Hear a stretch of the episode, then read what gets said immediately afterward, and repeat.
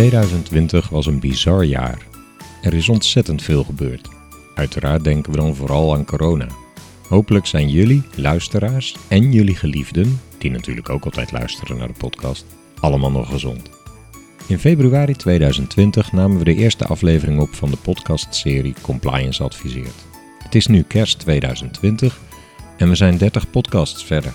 Zijn de podcasts meer dan 5.500 keer beluisterd op meer dan 8 podcastplatforms, voornamelijk Spotify, en wordt de bedrijfspagina van Compliance Adviseert gevolgd door meer dan 500 voornamelijk senior juristen en compliance professionals uit het bankwezen en de financiële sector. De best beluisterde podcasts zijn tegen de 400 keer beluisterd. We zijn super blij met de belangstelling en waardering, zeer motiverend om interessante podcasts te blijven maken. Dit succes heeft de podcast vooral te danken aan de informatie die ervaren experts bereid waren te delen in de podcast. Ik wil daarom beginnen met bij deze al die 34 experts die reeds meewerkten aan de podcasts van harte te danken, mede namens onze luisteraars zonder enige twijfel. We namen podcasts op met vele experts over zeer uiteenlopende en voor Nederlandse financiële instellingen relevante compliance-gerelateerde onderwerpen. Wat mij vooral opviel, het compliance vakgebied zelfs als je het beperkt tot de financiële wereld in Nederland, is zo breed dat we nog ruim voldoende onderwerpen kunnen bedenken om nog vele nieuwe podcasts te maken. Er staan er ook alweer een paar mooie op de planning, hopen dat het allemaal door kan gaan. En wat me opviel, veel compliance experts zijn enorm gedreven professionals die met enthousiasme hun kennis delen. In deze aflevering van de serie kijken we met experts die deze podcastserie zo boeiend maakt terug op 2020 en kijken we vooruit naar 2021. We vroegen alle experts die in 2020 voor de microfoon zaten welk compliance en of integriteit gerelateerd onderwerp hen het afgelopen jaar het meest bezig hield en aan welke onderwerpen zij in 2021 meer aandacht willen besteden en waarom. Het zal je mogelijk een beetje opvallen dat het woord corona geregeld valt. We hebben de bijdragen voor je op een rijtje gezet en daar kun je straks naar luisteren. Helaas had natuurlijk niet elke expert het op het laatst in deze drukke periode voor de kerst gelegenheid voor het maken van een opname, maar we hebben gelukkig in ieder geval bijdragen van de experts die meewerkten aan de top 6 best beluisterde podcasts. Die greatest hits, die bevaar ik voor het laatst. Eén tipje van de sluier til ik vast op, Bohemian Rhapsody staat niet op één. Verder wil ik hier vast het volgende delen. Per 1 maart 2021 begint jullie podcast-host een nieuw avontuur. Ik maak van Triodos Bank Nederland een overstap naar het Anti-Money Laundering Center en krijg daar de rol van senior kennismanager witwassen. Graag benadruk ik dat bij Triodos bijzonder mooie jaren heb gehad in een uitzonderlijk fijn team. Ik heb veel geleerd daar en uit de reacties van collega's mag ik opmaken dat ik ook een belangrijke bijdrage leverde aan de integriteit van de enige bank met een echte missie. Ik heb enorm veel zin in mijn nieuwe rol bij het AMLC.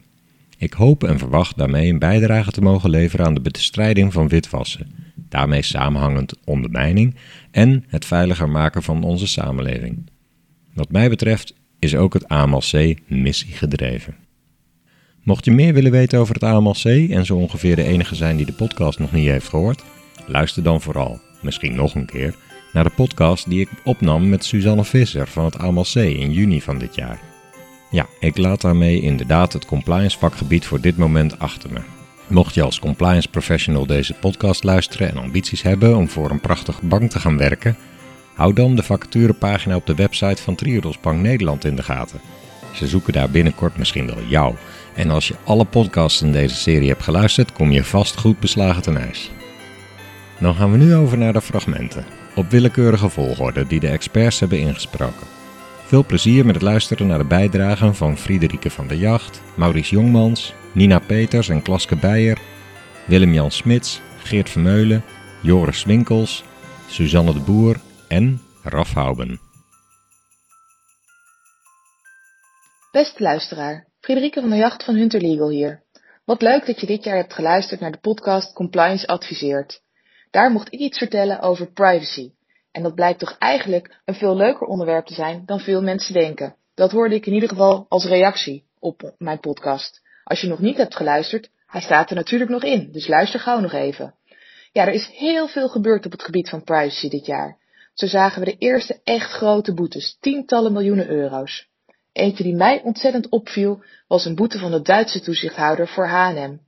Het bleek dat als je daar in het servicecentrum werkte, dat je eigenlijk alles wel mocht en moest bespreken met je managers. Ze vroegen je naar vakantieervaringen, wat je nou eigenlijk had als je je ziek had gemeld, maar ook of je misschien familieproblemen had en wat je religieuze voorkeuren waren. Deze informatie werd keurig opgeslagen op een interne netwerkschijf. En als dan de managers een beslissing moesten nemen over verlenging van iemands contract of promotie, dan werd daar eens eventjes naar gekeken. Dat is natuurlijk precies niet de bedoeling en het is goed om te zien dat daar dan ook flink op gesanctioneerd wordt. Ja, wat verwacht ik het komende jaar? Het komende jaar staat er heel wat te gebeuren. We hebben natuurlijk nog de nasleep van corona. van temperaturen tot testen. Wat mag er nou allemaal wel en niet op de werkvloer? Zeker als we weer meer naar kantoor gaan. Maar ook de toezichthouder. De AP geeft al tijden aan dat ze echt meer geld moeten hebben om goed te kunnen handhaven. Nou, langzaam zien we daar een verschuiving gaande, maar het wordt toch uitgesteld tot na de Tweede Kamerverkiezingen. Dus gaat een nieuw kabinet de toezichthouder nou echt meer middelen geven? Of blijft het gewoon beperkt en moet de AP keuzes maken? Het zal spannend worden om te zien wat daar allemaal gaat gebeuren. Ik denk dat er genoeg voer is voor weer een nieuwe podcast volgend jaar. En ik zal samen met Erik ook weer iets leuks voor jullie proberen op te nemen. Voor nu wens ik jullie hele goede dagen toe en dat het maar een mooi compliant jaar mag worden. Waarin we hopelijk elkaar ook weer eens live kunnen zien in plaats van alleen maar zo kunnen spreken. Ik wens jullie alle goeds. Ik ben uh, Maurice Jongmans. Ik ben directeur van het bedrijf Online Payment Platform, een betaaldienstverlener die zich bezighoudt met het faciliteren van betalingen voor gebruikers op handelsplatformen en marktplaatsen. En daarnaast ben ik voorzitter van de Verenigde Betaalinstellingen Nederland. Wat dat betreft heb ik afgelopen jaar natuurlijk ontzettend veel met uh, clients bezig geweest en integriteit. Ook vanuit mijn rol als de voorzitter van de VBIN. En het meest ben ik eigenlijk bezig geweest met de opleidingsplicht en het realiseren van een nieuwe opleiding die we samen met de Universiteit van Amsterdam hebben ontwikkeld. En waar we in eerste instantie ons gericht hebben op de bestuurders en commissarissen van betaalinstellingen, omdat daar gewoon nog in het geheel geen passende opleiding voor beschikbaar was. En dan moet je ook eigenlijk alle onderwerpen die compliance en integriteit raken, moeten voorbij komen in zo'n opleiding. En daar de actualiteiten van. En ik denk dat mijn hoogtepunt geweest is op het gebied van compliance afgelopen jaar. Dat we ook deze opleiding hebben gedaan en uitkijken naar de andere opleidingen die we daar binnen gaan ontwikkelen. En dat is ook eigenlijk voor mij meteen de 2021. Kijk vooral uit naar de opleiding voor de medewerkers te realiseren. Dat zal meer een e-learning opleiding gaan worden. En om daar ook echt voor betaalinstellingen specifiek opleidingen te realiseren die instellingen verder helpt. En eigenlijk op dezelfde manier zoals de, deze podcast, die, die ook op iedere keer in een uur een geweldig inzicht geeft in een heel specifiek onderwerp wat compliance raakt. En eigenlijk wil je op die manier ook je organisatie steeds met korte, duidelijke informatie voorzien, zodat ze uh, ja, daar op alle gebieden goed actueel gehouden worden. En ik heb meegewerkt aan deze podcast, zelfs twee keer. En ik moet zeggen dat uh, dat draagt ook bij aan, aan mijn eigen kennis en mijn eigen ervaring op het gebied van compliance. Ik zou iedereen aanraden om ook uh, in 2021 deze podcast in de gaten te houden en uh, de ontwikkelingen op compliance te volgen. Want als we één ding zeker weten is, is dat die exponentieel zullen toenemen en dat er steeds meer aandacht komt voor compliance, voor integriteit en risk management. En, en, en die combinatie is ontzettend interessant om, om te volgen. Wens iedereen een geweldig 2021. Ook heel veel mooie tijden en, en, en weer veranderende tijden waarin we weer meer mogen met elkaar. En een podcast uh, misschien ook weer niet op afstand hoeft te worden opgenomen, maar gewoon met elkaar in een ruimte. En dus ik zie uit ook weer naar de evenementen die we hopelijk in de tweede helft 2021 met elkaar weer kunnen gaan meemaken en elkaar weer kunnen ontmoeten. Dat is mijn hoop voor 2021 en de wens voor 2021 hoop jullie weer uh, allemaal te zien, te spreken en te horen in het volgende jaar.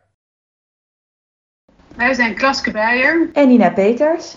Wij zijn werkzaam als consultant voor Jacques en Diek. En wij hebben ons het afgelopen jaar veel bezig gehouden met ESG, duurzaamheid en sustainability. Meer specifiek met alle wet en regelgeving die op dit onderwerp in werking is getreden en aankomend jaar van toepassing wordt. Ook hebben we bijgedragen aan de awareness over dit onderwerp. Wij gaan onze expertise op ESG verder inzetten het komend jaar bij implementatietrajecten en advisering. En via LinkedIn hebben we ook al hele leuke reacties ontvangen op de podcast. Wij wensen iedereen, ondanks de lockdown, hele fijne feestdagen toe. Mijn naam is Willem-Jan Smits. Ik ben advocaat en medeoprichter van Watson Law. Een kantoor dat zich mede toelegt op het adviseren omtrent bitcoin en andere virtuele valuta. Afgelopen jaar heb ik mij voornamelijk bezig gehouden met begeleiding van cliënten bij het aanvragen van DMB-vergunningen. En het ging daarbij om het nieuwe regime voor cryptodienstverleners. Komend jaar wil ik meer aandacht besteden aan de nieuwe EU-regelgeving op het gebied van cryptoassets. Ik verwacht dat veel partijen hiermee de komende jaren te maken gaan krijgen. En dan gaat het zowel om fintechs, maar ook om traditionele financiële instellingen. Ik heb twee uh, podcasts gedaan met jou, Erik. En ik heb daar verrassend veel uh, reacties op gekregen. En daaruit blijkt voornamelijk dat luisteraars het leuk vonden om de basis van cryptoregulering mee te krijgen.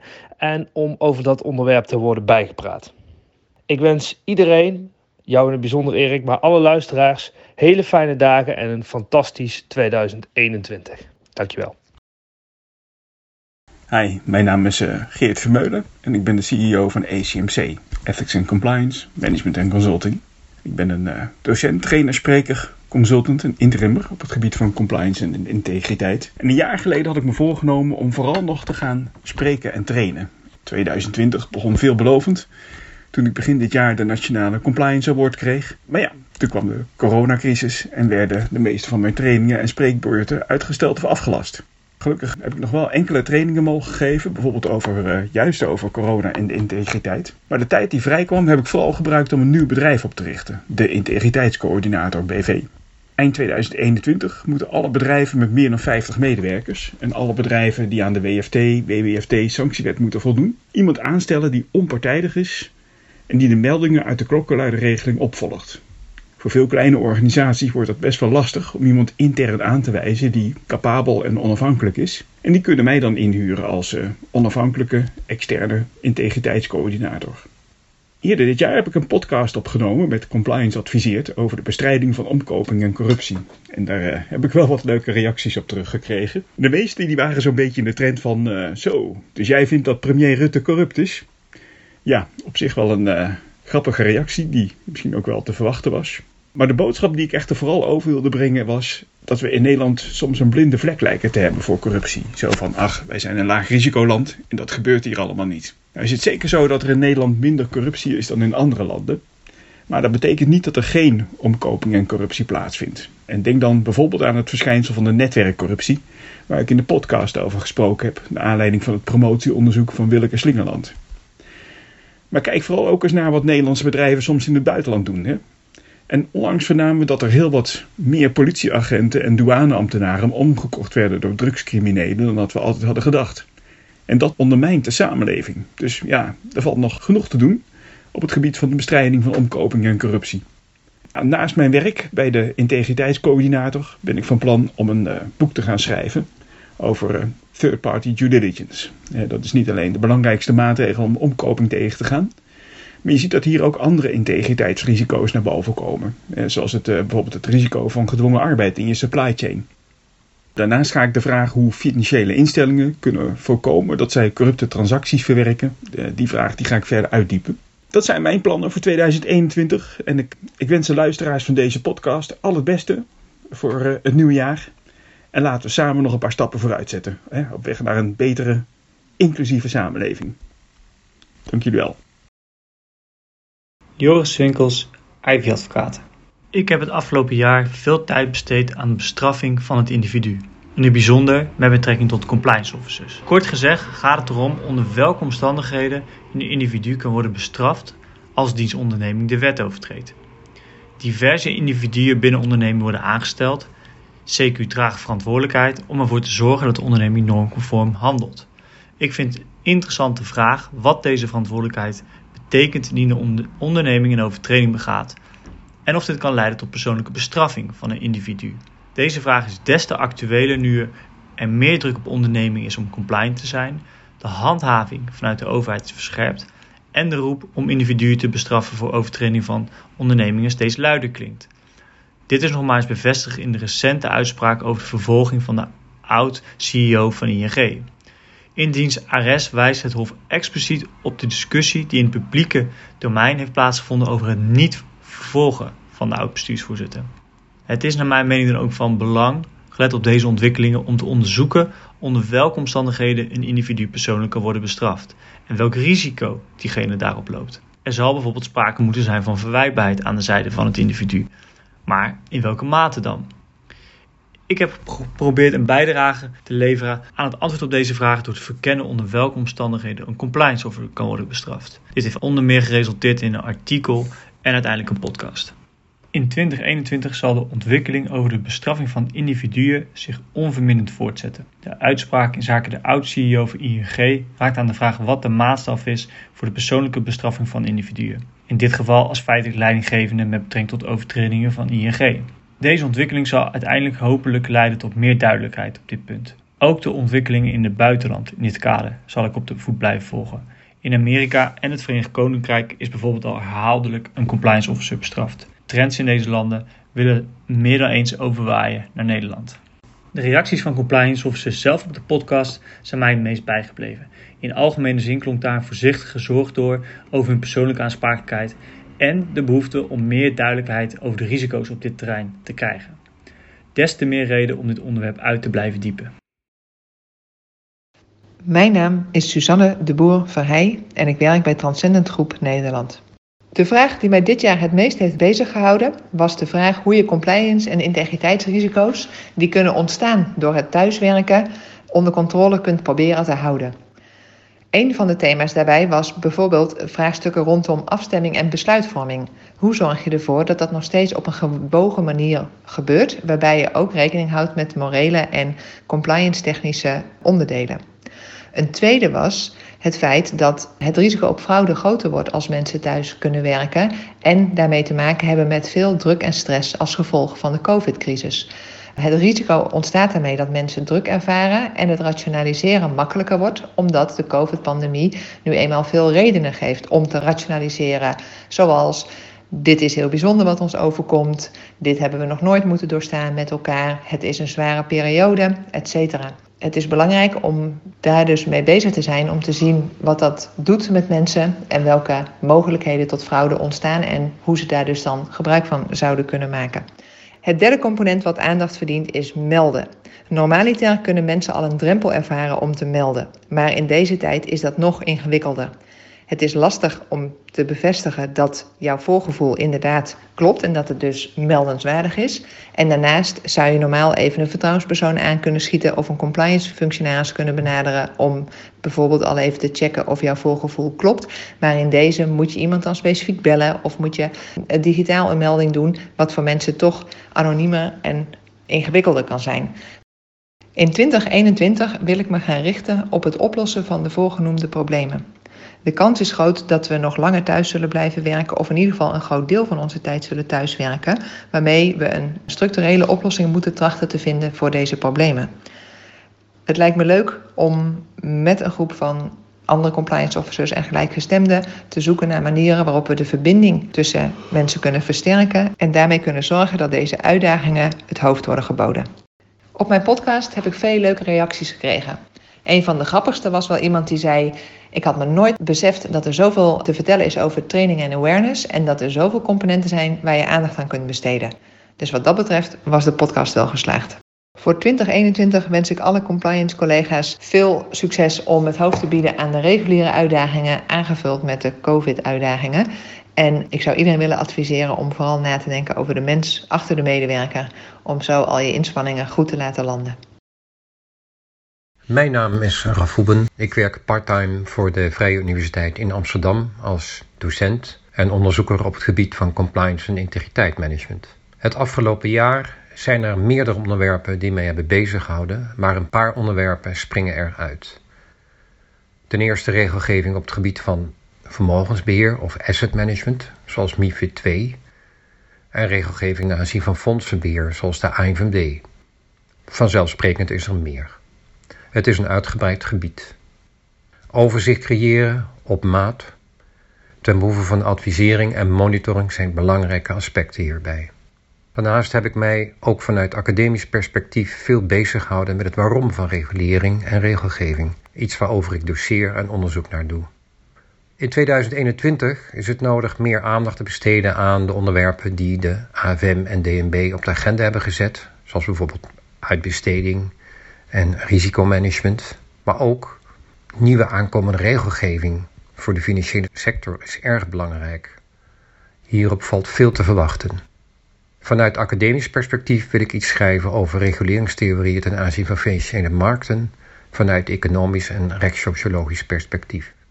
Ik heb diverse positieve reacties ontvangen op mijn podcast over MIFID 2 en dat vind ik heel leuk. En ik wens alle luisteraars hele fijne feestdagen en een voorspoedig nieuwjaar, waarin ongetwijfeld vele interessante compliance en integriteit onderwerpen op de agenda staan. En dan zijn we nu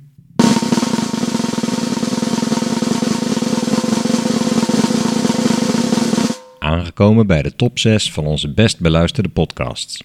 Er moet eerlijkheidshalve bij worden vermeld, sommige podcasts zijn al veel langer online en die hebben natuurlijk meer luisteraars kunnen vergaren in de loop van de tijd. Maar daar staat weer tegenover dat we in het begin van de podcastpromotie nog niet best op orde hadden. We beginnen met nummer 6. Dat is Marit Verveld, het beëindigen van de klantrelatie om integriteitsredenen. Marit Verveld, Cabinet Law. Het afgelopen jaar heb ik me door corona kunnen bezighouden met onderwerpen binnen de privacy compliance, waar ik normaal gesproken niet zoveel mee van doen heb. Denk bijvoorbeeld aan vragen over het wel of niet mogen temperaturen van werknemers of het mogen stellen van vragen over de gezondheid aan werknemers. Dat maakte 2020, als je er toch iets positiefs over moet zeggen, inhoudelijk in ieder geval onverwacht verrassend. Wat betreft 2021 kijk ik er naar uit me verder te gaan verdiepen in de Europese klokkenluidersregels, de bijbehorende nationale implementatie en de effecten van die regels op Nederlandse bedrijven en het Nederlandse klokkenluidersklimaat. Ik wens alle luisteraars van Compliance Adviseert een mooi kerstfeest en een hoopvol 2021. Nummer 5 was Iris Sluiter, Financieel Expertisecentrum. En Iris Sluiter van het Financieel Expertisecentrum. En in 2020 hebben wij heel hard gewerkt aan goed samenwerken. En goed samenwerken is essentieel voor compliance. En bij het VEC geloven wij in samenwerken aan de integriteit van ons financiële stelsel. En daarvoor hebben we goede afspraken met elkaar gemaakt. Maar veel belangrijker is dat er vervolgens vertrouwen ontstaat en hoe je die met elkaar uitvoert en dat je er energie van krijgt. En dat is wat er in 2020 is gebeurd. Wat heel moeilijk was onder de corona-omstandigheden, waar we ons hard voor hebben ingezet. 2021 zal het jaar zijn waarin we de vruchten plukken van die mooie samenwerking. Waarin we zien wat het allemaal heeft opgeleverd. En waarin we elkaar ook weer aankijken van hoe kunnen we dit weer verder brengen. We gaan het evalueren. Aan het eind van het jaar zullen we vast en zeker weer nieuwe plannen hebben voor hoe we onze samenwerking weer verder kunnen versterken.